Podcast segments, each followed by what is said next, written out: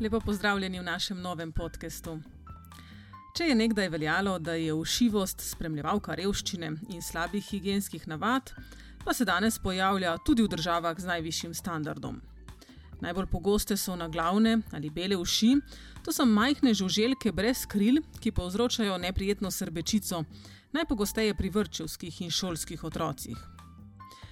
O tem, kako jih zaznamo in kako se jih najhitreje in seveda najbolj učinkovito rešimo, pa bomo danes govorili z diplomirano medicinsko sestro Sonjo Kerinkos, edukatorico zdravstvene vzgoje v zdravstvenem domu Grosuplje.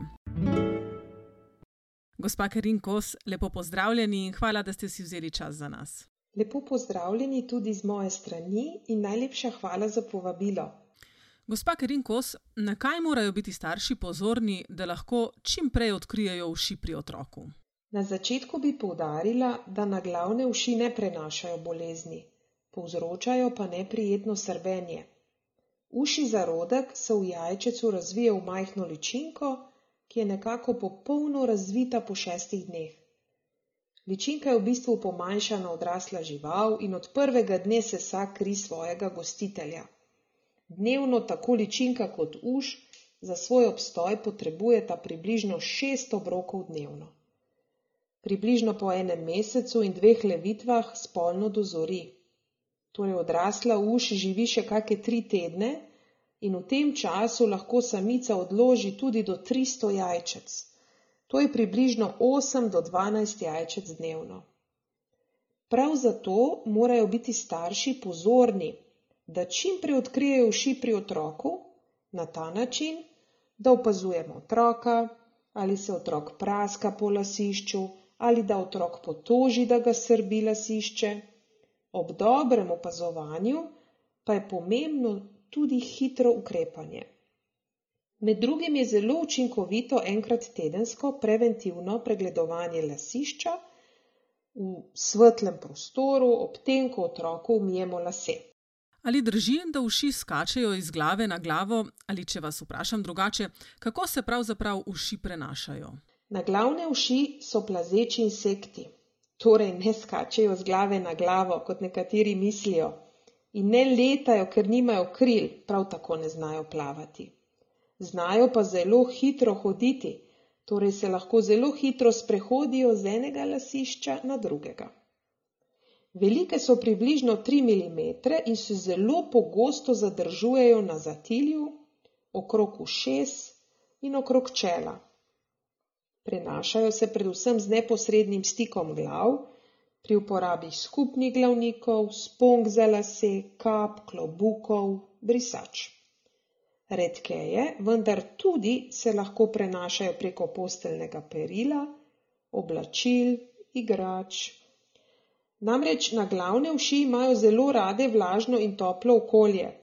Kdo pa je za uši najbolj dovzeten? Imamo oziroma velja kakšno pravilo pri tem? Uši ne izbirajo, praktično smo dovzetni vsi.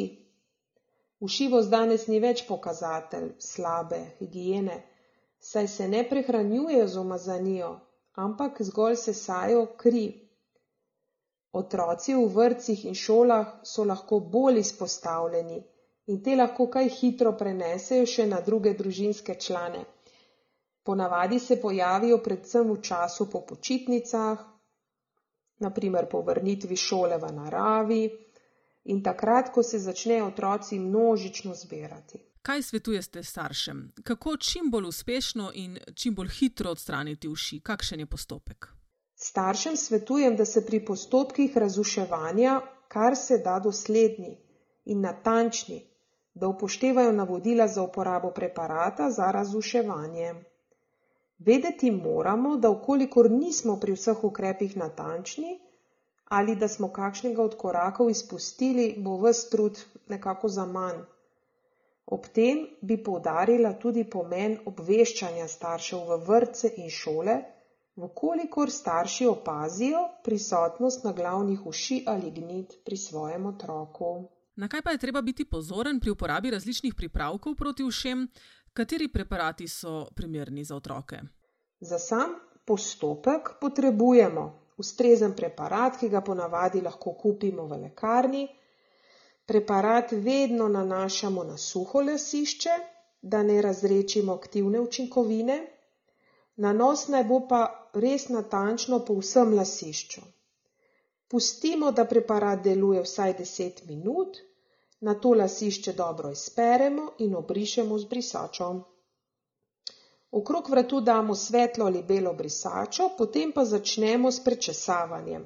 Najprej uporabimo navaden glavnik, na to pa lase razčešemo še z gostim glavnikom, da odstranimo res vse mrtve uši in gnide. Po razčesavanju lahko lase posušimo. Po samem postopku staršem kljub vsemu svetujem ponoven pregled lasišča. Ukolikor bi ostala na lasišču mogoče še kakšna uš oziroma gnida. Dobro je tudi, da na to lase ne umivamo vsaj še dva dni. Po končanem postopku razuševanja operemo v vroči vodi tudi glavnike, ki smo jih uporabili, krtače, posteljnino, oblačila, brisače, ki so bile v stiku z lasmi, pa uperemo v pralnem stroju na 60 stopinj. Predmete, ki jih ne moremo oprati, naprimer igrače, nepropustno zapremo v plastično vrečko in pustimo nekje 10 do 14 dni na sobni temperaturi. Lahko pa jih damo tudi za en dan v zamrzovalnik. Posesamo, zelo pomembno je tudi, da posesamo oblazinjeno pohištvo, tla, preproge, avtosedeže. Zelo pomembno je tudi, da ne smemo pozabiti pregledati lasišče vsem družinskim članom, ker ne malokrat se srbečica pri odraslih sploh ne pojavi. Ljudje, ki nimajo uši, pri njih ne uporabljamo preventivno preparate za zatiranje uši. Kako ustrajni morajo biti starši? Z enim tretmajem verjetno še ne uspejo odstraniti vseh uši.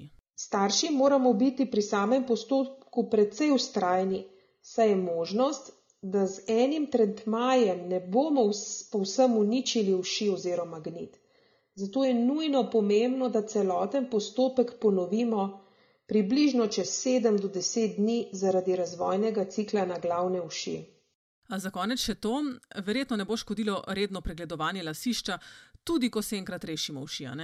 Tudi ko se enkrat rešimo uši, je smiselno, predlagam, ne, kot sem že omenila, redno tedensko pregledovanje lasišča, vsaj v času, ko imamo svoje otroke še v šolah in vrtcih, se držati navodil, kajti le z roko v roki bomo uspešni pri zatiranju teh nevšečnih zajedavcev.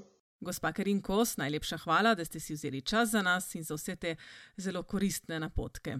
Najlepša hvala tudi vam. Vi, dragi poslušalci, pa pridružite se mi spet prihodnjo nedeljo. Naslišanje.